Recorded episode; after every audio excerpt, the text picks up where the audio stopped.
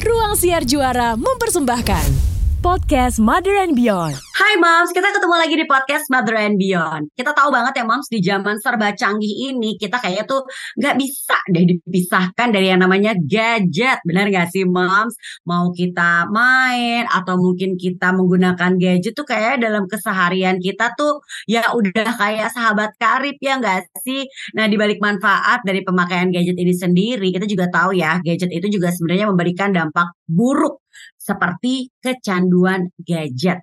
Gak cuma buat orang dewasa, kecanduan gadget juga bisa loh dialami oleh anak-anak. Kita tuh sebagai orang tua pasti nggak boleh anggap enteng nih kecanduan gadget pada anak karena ini tuh ternyata berpengaruh loh pada kesehatan fisik maupun mental si kecil nantinya. Nah, untuk tahu lebih banyak mengenai apa aja dampak bila anak kecanduan gadget.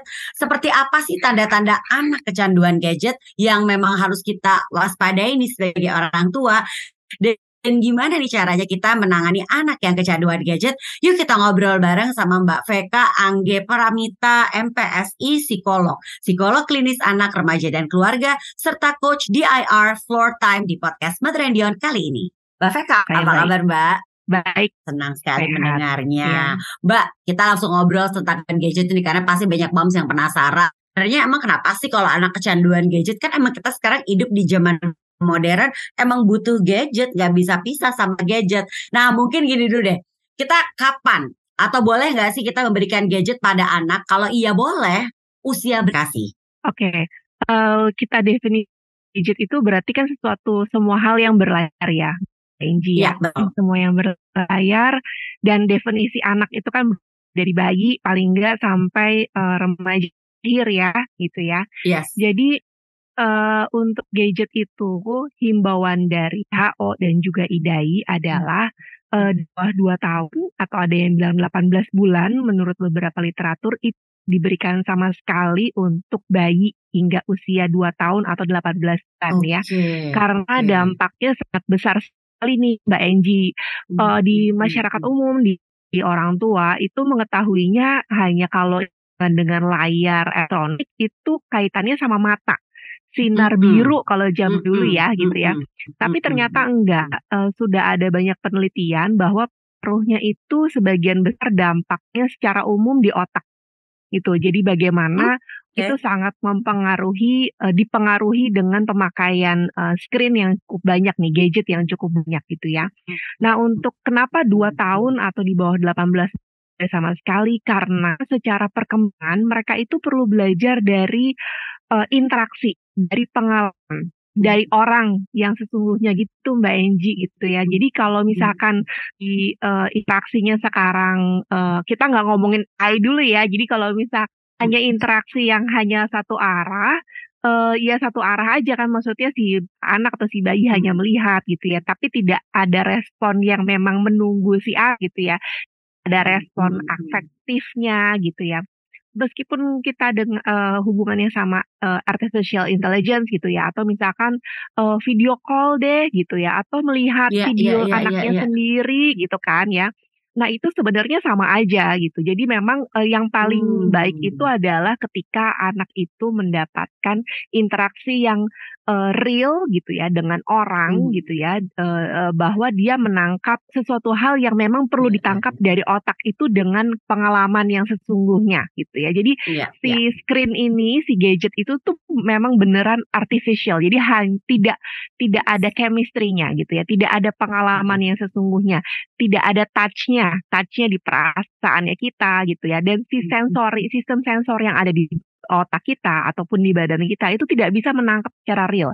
Saya nggak tahu okay. bagaimana uh, perasaannya Mbak Enji karena saya nggak touch secara langsung apa secara yeah, langsung yeah, yeah, yeah, sama Mbak Enji. Yeah. Tapi kalau saya bertemu sama lang langsung sih sama Mbak Enji, saya bisa hmm. observe gitu ya.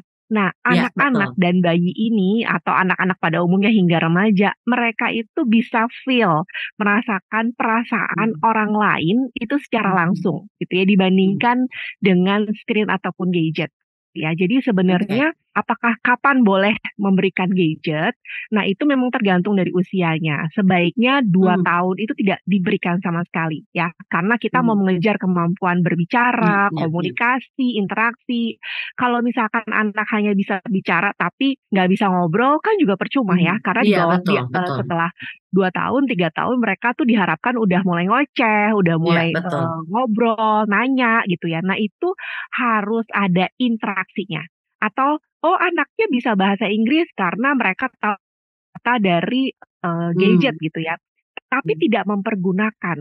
Jadi ketika conversation, ketika melakukan percakapan karena tidak menggunakan, jadi semakin tidak terampil, tidak menggunakan Oke. dalam komunikasi sehari-hari dengan orang. Jadi yang namanya Betul. Bahasa itu perlu orang nih Mbak Enji gitu ya, perlu orang ada orang lain yang Mhm. melakukan percakapan yang real gitu ya. Jadi memang di bawah 2 Oke. tahun tuh sebaiknya tidak sama sekali. Oke Setelah oke. 2 tahun itu maksimal hanya 1 jam sebenarnya Hmm, sampai di ya ya, usia betul betul. anak-anak gitu ya.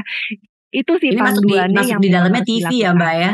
Betul Mbak Enji, semua yang berlayar Ya sebenarnya ya gitu ya. ya. Dan Oke ini juga oke. memang jadi sebuah, eee, apa ya, eee, pembicaraan entah itu pembicaraan Hmm. santai gitu atau pembicaraan, eee, yang real orang tua datang kepada saya, tidak bisa dihindari nih karena, eee, di Hmm sekolah hmm. mungkin menggunakan laptop, iPad gitu ya, atau menggunakan screen yang harus, eee, apa, kalau kita pandemi kan online tuh udah tidak, eee, Mhm banyak mhm. lagi ya gitu ya, tapi kan sekarang Mhm, masih dipakai nih gitu.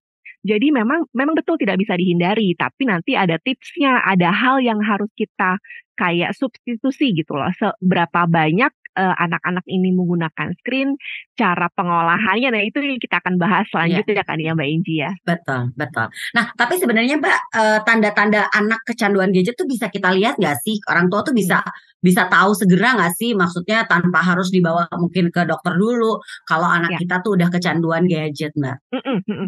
Ada beberapa, eee, tampilan yang fisik mungkin yang kelihatan, Mhm. eee, dari sisi mata, ada matanya yang kering, jadi mungkin dia akan sering kucek-kucek gitu Hmm. ya. Jadi kalau kucek kan mungkin jadi merah gitu ya. Secara postur mau itu di TV mungkin dia cuma begini aja, jadi dia kalau anaknya masih kecil ataupun remaja, iya iya. remaja mah mager mungkin sambil tiduran Iya. gitu ya. Atau kalau Iya. dia seringnya ini, ya ininya juga bisa berpengaruh nih gitu. Dan Mmm. dan dampak buruk itu nggak cuma terjadi sama anak-anak, kita pun kalau Iya, kita banyak betul. menggunakan screen atau gadget ini gitu ya. Kalau saya kemarin liburan, aduh kayaknya enaknya nonton, scrolling, Iya ininya iya juga iya sakit iya nih. Mbak Enji gitu Betul ya. betul, Jadi setuju. Atau si si ini nih, si leher itu juga sangat Iya iya berdampak. iya. Jadi memang itu juga punya dampak, eee, yang kelihatan secara fisik. Nah, tapi yang tidak terlihat, eee, memang itu ya tadi mempengaruhi perkembangan otak, Mmm. mempengaruhi secara emosi gitu ya. Karena, mmm, nanti ada yang kalau udah masuk ke adiksi, dia akan mempengaruhi, eee, tidak hanya konsentrasi atau Mmm, mhm. kemampuan dia untuk menangkap, eee, instruksi dari orang lain. Misalkan dipanggil kok nggak respon-respon sih, Iya ya iya iya iya anaknya lagi nonton gitu kan, karena nggak bisa multitasking nih gitu. Jadinya, Iya. eee, dia, eee, dicap sebagai anak yang tidak mendengarkan gitu, anak yang cuek gitu, padahal dia sedang fokus melakukan hal itu. Jadi dampaknya itu memang semakin lebih banyak lagi, tapi secara besar, secara global memang, eee, fisik dan juga perkembangan otak itu berpengaruh sih Enji, Iya dengan emosi iya. juga gitu. Ya, kita sempat lihat juga ya Moms ya, eee, di tayangan-tayangan di sosial media tuh, ada anak yang kecanduan gadget, tidur pun mimpinya juga lagi sambil main gadget gitu ya, Mbak, ya? Iya, betul betul betul. Mhm Iya iya. dan dan kalau di beberapa tempat, eee, ada sebuah tayangan juga yang, eee, dilakukan di, eee, TV yang lain, itu tuh, eee, bagaimana di, eee, instalasi psikiatri itu, eee, Mhm.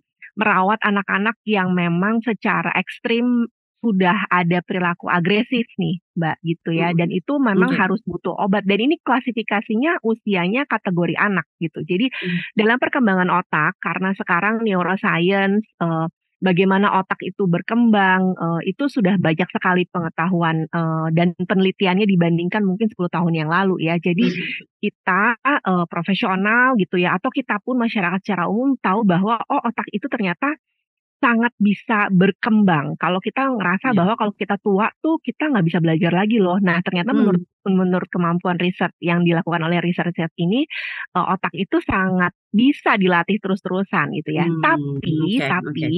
ada catatannya nih apabila perkembangannya sudah optimal. Jadi kalau Hmm. misalkan tadi Mbak Enji dan Moms bayangkan bahwa anaknya dikasih sesuatu yang bisa mempengaruhi perkembangan otak yang belum optimal. Jadi ada ada barrier atau penghalang Hmm. di mana si otaknya anak ini tidak tidak menjadi berkembang optimal gitu ya. Jadi Oke. harusnya dia bisa berkembang optimal tapi ada barriernya gitu ya. Dan salah satu dampaknya adalah eh, addiction, impulsif, tadi agresivitas yang sangat Hmm. banyak gitu ya. Impulsif tuh jadinya eh, kita lihatnya eh, oh ya nggak dia nggak banyak berpikir lakuin aja dulu gitu ya. Hmm. self controlnya juga jadi nggak eh, banyak berkembang gitu ya. Self disiplinnya juga jadi sangat berpengaruh gitu. Jadi itu dampaknya sangat banyak kelihatan di anak-anak. Jadi Hmm. kalau uh, waktu itu ada penelitiannya bagaimana para gamers gitu ya, eh, gamers yang anak-anak dengan gamers yang adult itu secara perkembangan otak kan ke otak kita kan ada bagian depan ya Mbak ya namanya Iya, iya, prefrontal iya. cortex. Itu baru berkembang optimal sekitar anak us- usia 20-an. Jadi kalau Hmm. anak masih melakukan yang sam, eh, kesalahan yang sama berulang-ulang atau senang hal yang berulang-ulang karena itu salah satu cara mereka membentuk otak bagian depan mereka yang berhubungan dengan Hmm. kemampuan analisa, berpikir eh, kritis gitu ya. Itu baru optimal setelah young adult nih, 20-an gitu ya. Hmm, ya, ya, ya, ya, Jadi ya. kalau misalkan si anak gamers nih gitu ya, eh, di bawah dua dia udah dapat banyak sekali screen gitu ya, itu mempengaruhi kemampuan dia berpikir analisa gitu. Ya ber- Hmm. kemampuan dia untuk bisa tenang, tadi kan untuk dia jadi nggak reaktif karena impulsif sama dengan reaktif. Kalau reaktif nanti hubungannya ke tindakan fisik atau eh, yang berhubungan dengan emosi gitu ya. Jadi Hmm. disruptif, jadi mungkin emosi yang meledak-ledak itu juga sangat berpengaruh gitu ya. Jadi ini saling berhubungan sam- eh, sekali sih gitu, Mbak. Oke, oke. Nah, cara mengatasi anak yang sudah kecanduan gadget nih, tadi kan tanda-tandanya kita udah tahu. Nah, gimana tuh, Mbak? Oke, eh, eh, ka- saya sering banget it- ditanya eh, hubungannya gini Mbak, Hmm. dengan orang tua yang anak-anaknya masih kecil. Nah, ini kan moms mungkin anak-anaknya masih kecil ya gitu Mom Iya, Planet ya. Jadi sering kali ditanya, "Eh, apa sih mainan yang sangat baik banget nih buat anak-anak gitu ya? Mau dicari mainan yang khusus yang bisa membuat eh, mereka tuh jadi berkembang dengan baik. Tidak ada mainan yang lebih baik dibandingkan kita sendiri orang tuanya nih Setuju. gitu ya. Setuju, Jadi setuju. itu sangat ber- berpengaruh sekali hingga eh, anak-anak eh, remaja ataupun di usia anaknya Mbak Enji yang yang adult ya gitu udah masuk yang Iya. adult ya. Jadi keterlibatan kita sebagai orang tua hadir dan joining bermain bersama-sama itu adalah mainan yang sangat baik dan sangat terbaik Hmm. untuk si anak itu sendiri gitu ya. Setuju Jadi banget. sebenarnya ketika anak-anak eh, gimana caranya supaya nggak kecanduan tadi diberikan boleh tapi ada batasannya gitu. Jadi jangan sampai kita berpikir aduh di zaman dunia yang sangat baru dengan Iya. eh, apa 5.0 ya sekarang ya mbak ya gitu. Iya, iya, kayaknya nggak iya, iya. bisa kita nggak eh, ngenalin anak sama coding mungkin gitu ya. Ya betul saya setuju gitu. Tapi ada batasannya dan anak-anak itu sangat butuh eh, tadi ketika mereka melakukan analisa mereka butuh partner untuk berkomunikasi untuk diskusi dan itu partnernya kita loh gitu ya kalau Hmm. nggak kita ya mungkin orang tua eh, guru ut- eh, Iya. eh, apa namanya teman-temannya gitu ya atau kalau ya online ya sama teman onlinenya jadi tapi jadi artinya posisi kita sebagai orang tua bisa tergantikan sebenarnya kan. Jadi itu Iya, semua iya, pilihan moms and dad sebenarnya. Bagaimana kita memposisikan diri kita, apakah kita itu eh, akan selalu bersama-sama kalau di usia anaknya Mbak Enji udah bareng-bareng, maksudnya kita Hmm. sejajar ya Mbak ya. Tapi kalau Hmm. musik mungkin masih anaknya masih kecil gitu ya, masih SD, itu mungkin orang tuanya masih di depan. Jadi artinya anak mengikuti apa yang menjadi arahan eh, orang tua, tapi udah mulai bergeser sebenarnya. Pra remaja diskusi lebih banyak, remaja diskusi semakin lebih banyak gitu ya. Iya, Jadi betul. perubahan style orang tua dalam mendampingi itu harus berubah sesuai dengan usianya anak. Hmm. Nggak bisa selama-lamanya orang tua yang ngatur terus gitu ya. Karena Iya, ini juga nanti betul. mempengaruhi anak menggunakan gadget. Anak harus tahu, oh ini dampaknya apa loh buat kita Hmm. gitu ya. Jadi ketika kita batasi, dia harus tahu bahwa oh ini dampaknya apa buat aku. Aku sudah pakai Iya. berapa lama. Eh, kalau Hmm. aku boring, aku bosen, aku bisa melakukan apa ya? Aku bisa mengambil hal positif apa dari si screen ini, dari short eh, IG, IG ataupun YouTube yang aku lihat nih gitu. Jadi dia harus bisa bukan jadi generasi yang mager yang cuman scrolling-scrolling doang gitu ya, tapi Mhm jadi mhm. generasi yang bisa mengambil, eee, insight gitu ya, "Oh aku bisa mendapatkan inspirasi dan aku coba lagi," Mhm. gitu. Itu kan Mhm. satu produk yang sebenarnya, eee, hal yang baik yang kita bisa dapatkan dari si gadget ini Mbak Enji. Oke. Mbak, gimana caranya nih para moms bisa mencegah anak kecanduan gadget? Tadi kan yang pasti Mhm. pertama, jangan kita berikan di anak-anak yang usianya di bawah 2 tahun. Kalaupun Ya. setelah itu di atas 2 tahun ada, eee, screen time-nya ada batasnya ya, Mbak, ya. Nah, tapi Betul. kan kalau kita berbicara untuk anak-anak yang mungkin usianya sudah usia sekolah yang sekolah dasar gitu, Mbak, atau TK-TK yang udah TK gede gitu kan ya, Mbak. Nah, ini gimana nih, Mbak? Karena kan keseharian mereka apalagi kalau lagi libur, waduh kan kayaknya sahabat karibnya tuh gadget ya, Mbak. Iya iya Atau iya. sesuatu yang berlayar lah, Mbak, gitu kan. Iya iya iya. Jadi memang, eee, komposisi dalam kegiatan sehari-hari itu perlu di eee, memang perlu diperhatikan betul. Kalau kita di kota besar, kesulitannya adalah Mhm. apabila ayah dan ibu bekerja kan gitu, atau Iya. misalkan ketika keduanya bekerja, anak-anak dengan, eee, eyang-eyangnya atau dengan mbak, dengan suster gitu ya. Jadi, eee, harus ada semacam, eee, jadwal gitu ya, atau ada komposisi kegiatan yang memang perlu dilakukan gitu ya. Dan anak-anak ini nggak bisa memang sendirian gitu. Jadi memang perlu dicarikan misalkan cari pengasuh yang memang bisa nanti bermain bersama dengan anak gitu ya. Atau, eee, kalaupun orang, eee, moms and dad mau mencarikan kegiatan yang dicariin les deh gitu. Nah, Iya iya, sebisa benar benar. mungkin lesnya juga jangan terlalu banyak ya moms. Jadi, eee, mereka juga butuh Mmm. memang free play gitu ya, butuh iya, tidak betul. melakukan, eee, hal yang terstruktur sekali. Tapi tadi, si gadget dan screen ini, eee, harus dibatasi. Eee, kalau kita Mmm. mungkin kenalnya Iya itu iya me iya. time-nya anak-anak gitu ya. Tapi me Iya. time itu masalahnya si eee, kalau si gadget ini dijadikan me time, kualitasnya sebenarnya nggak terlalu baik moms gitu ya. Jadi yang namanya me time, kita bisa kenal, kita memang kita perlu memperkenalkan satu kegiatan yang mereka bisa lakukan. Ide-idenya misalkan moms bisa ambil nih satu toples gitu, di dalam toples itu tuh ada macam-macam ide-ide kegiatan yang mereka sudah Mmm. pernah lakukan. Eee, tulis aja di eee, di kertas-kertas kecil, digulung, terus mereka ambil, "Hari ini aku mau ngelakuin apa ya?" Gitu. Atau mereka dapat inspirasi apa nih kalau udah, eee eee, SD kelas 1, eee, SMP atau SMA, mereka punya insight apa dari short yang mereka lihat atau dari postingan yang mereka lihat, terus Mhm. mereka mau melakukan itu nih suatu saat nanti. Nah, ditulis dulu, ditabung dulu istilahnya. Nanti mereka Mhm. lakuin satu-satu. Tapi sekali lagi moms, mereka tidak bisa melakukan ini sendirian terus. Mereka perlu Betul. temen ya. Makanya harus ada temen yang bener real temen gitu ya. Kalaupun online kita udah tahu temennya siapa, kita udah kenal dia iya, kenal dia betul siapa betul. ya, Itu penting. atau Mhm. kita yang mendampingi gitu. Jadi nggak bisa mereka tuh, eee, istilahnya besar sendiri, bisa sendiri Iya tanpa setuju. memahami gitu ya. Jadi memang perlu banget nih kita eee, saya percaya kualitas dan kuantitas untuk anak-anak itu keduanya. Jadi nggak cuma salah satu nih Mbak Enji gitu ya. Jadi nggak bisa yang, Mhm. eee, ah, kualitas aja deh gitu, tapi kuantitasnya ya udah sebisanya kita aja orang tua. Nggak bisa sih moms. Jadi kualitas dan kuantitas itu memang harus sesering mungkin gitu ya buat Iya anak-anak gitu. iya. Apalagi di zaman sekarang nih Mbak Enji gitu. Iya iya. Mbak, kayaknya kasihan ya Mbak, dari tadi tuh kita lebih banyak mendengar dampak negatifnya dari gadget ya, Mbak. Iya iya, betul. Nah, sebenarnya pasti ada dong Mbak, Mhm. manfaat dari memberikan gadget atau gadget sendiri untuk menemani anak-anak, tumbuh kembangnya anak-anak di saat diberikan di usia yang pas. Nah, apa nih Mbak sebenarnya Mbak, manfaat atau hal positif dari gadget ini sendiri, Mbak?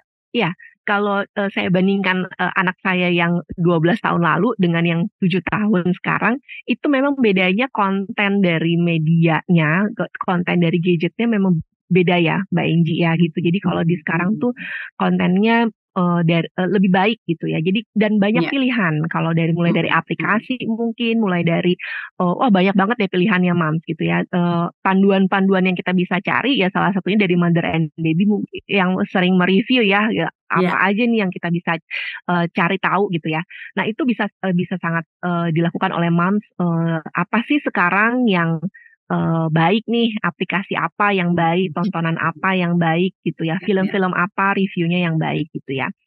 Yang ada Eee, edu jadi konten mengedukasi gitu ya, Mbak, ya? mengedukasi, betul, edukasinya itu jadi lebih baik gitu. Terus yang kedua, eee, kalau kita hubungkan dengan internet, uh, jangkauannya juga luas ya Mbak Inji gitu. Mau hmm. belajar apa aja tuh ada.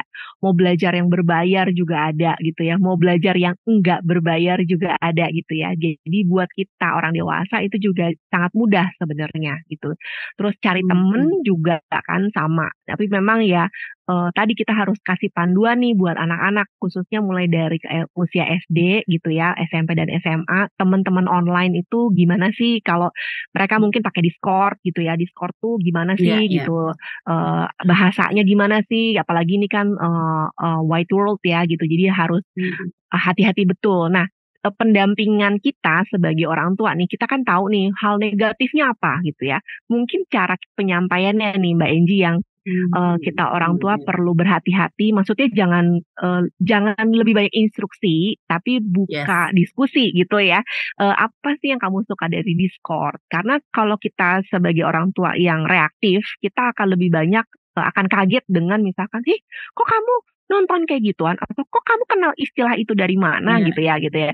Padahal kita yang juga mengizinkan mereka untuk uh, bisa explore dengan gadget kan. Jadi uh, hati-hati dengan moms menggunakan kata-kata ya, ya. ketika mendampingi anak-anak untuk mencari tahu apa sih yang mereka tahu gitu ya dan selipkan hal-hal yang memang kita kasih tahu nih bahwa hal yang boleh apa yang nggak boleh apa gitu jadi itu sih Mbak Iji menurut saya jadi ya, ya. Uh, banyak hal yang positif tapi tadi jangan sampai jadi hanya melihat mengamati hmm. dan ini mungkin tips buat kita juga ya yang ya paling nggak saya gitu yang sering banget scrolling gitu uh, lihat short short gitu tapi inspirasinya apa sih gitu inspirasi hmm. ini uh, buat saya bagian dari uh, eh, self care-nya saya nih gitu apa hmm. yang saya dapatkan dari saya melihat non film itu misalkan atau saya hmm. dapat apa hmm. sih dari short itu gitu jadi ada feedback baliknya juga buat saya gitu Mbak Sebagai penutup nih Mbak, kasih dong tips buat para moms gimana caranya mengatur screen time nih untuk anak-anak karena kan penting nih apalagi di usia yang di atas ya. 2 tahun tuh di saat akhirnya kita memberikan gadget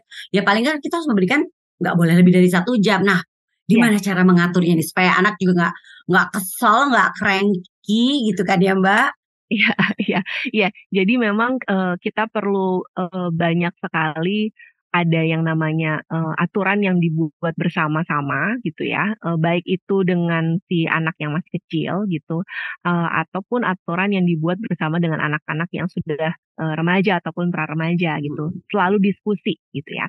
Tapi yang uh, yang perlu diutamakan adalah kalau sudah menja, uh, injak SD bagaimana kita menyampaikan, mengevaluasi. Jadi aturan itu sering kali sudah dibikin tapi nggak berhasil terus hmm. seolah-olah nggak berhasil selamanya gitu loh Mbak Indi ya. Jadi yeah, yeah, yeah. kita perlu mengevaluasi dan evaluasinya tuh dilakukan bareng-bareng gitu bahwa ini iya, kayaknya yeah, yeah, yeah. it doesn't work kayaknya kita bikin lagi betul, yuk gitu ya kayaknya betul.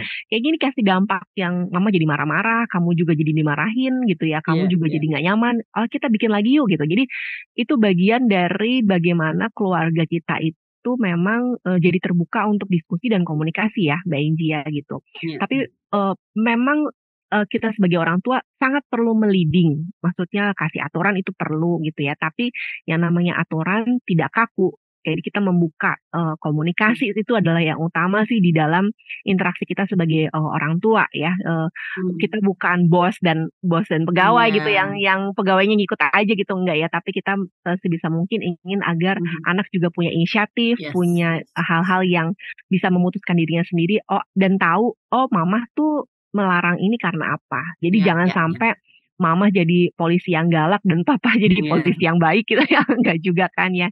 Jadi uh, itu yang nanti perlu uh, sejalan antara uh, moms and dad nantinya. Gitu mbak Inji Jelas ya moms ya, apa yang harus kita lakukan nih supaya anak kita nggak kecanduan gadget dan apa yang harus kita lakukan kalau anak kita sudah kecanduan gadget. Senang banget obrolan kita, seru banget dan sangat bermanfaat pastinya buat kita. Terima kasih untuk Mbak Veka Angge Pramita MPSI psikolog, psikolog klinis anak remaja dan keluarga serta coach di IR Floor Time. Terima kasih udah sharing ya Mbak Veka dan juga terima kasih buat moms yang sudah mendengarkan podcast Mother and Beyond kali ini. Sampai jumpa. Thank you for listening to podcast Mother and Beyond. Untuk info menarik lainnya, klik motherandbeyond.id serta follow Instagram, Twitter, dan TikTok at motherandbeyond.id, Facebook, dan subscribe YouTube channel Mother and Beyond. Mother and Beyond, your guide to motherhood and beyond.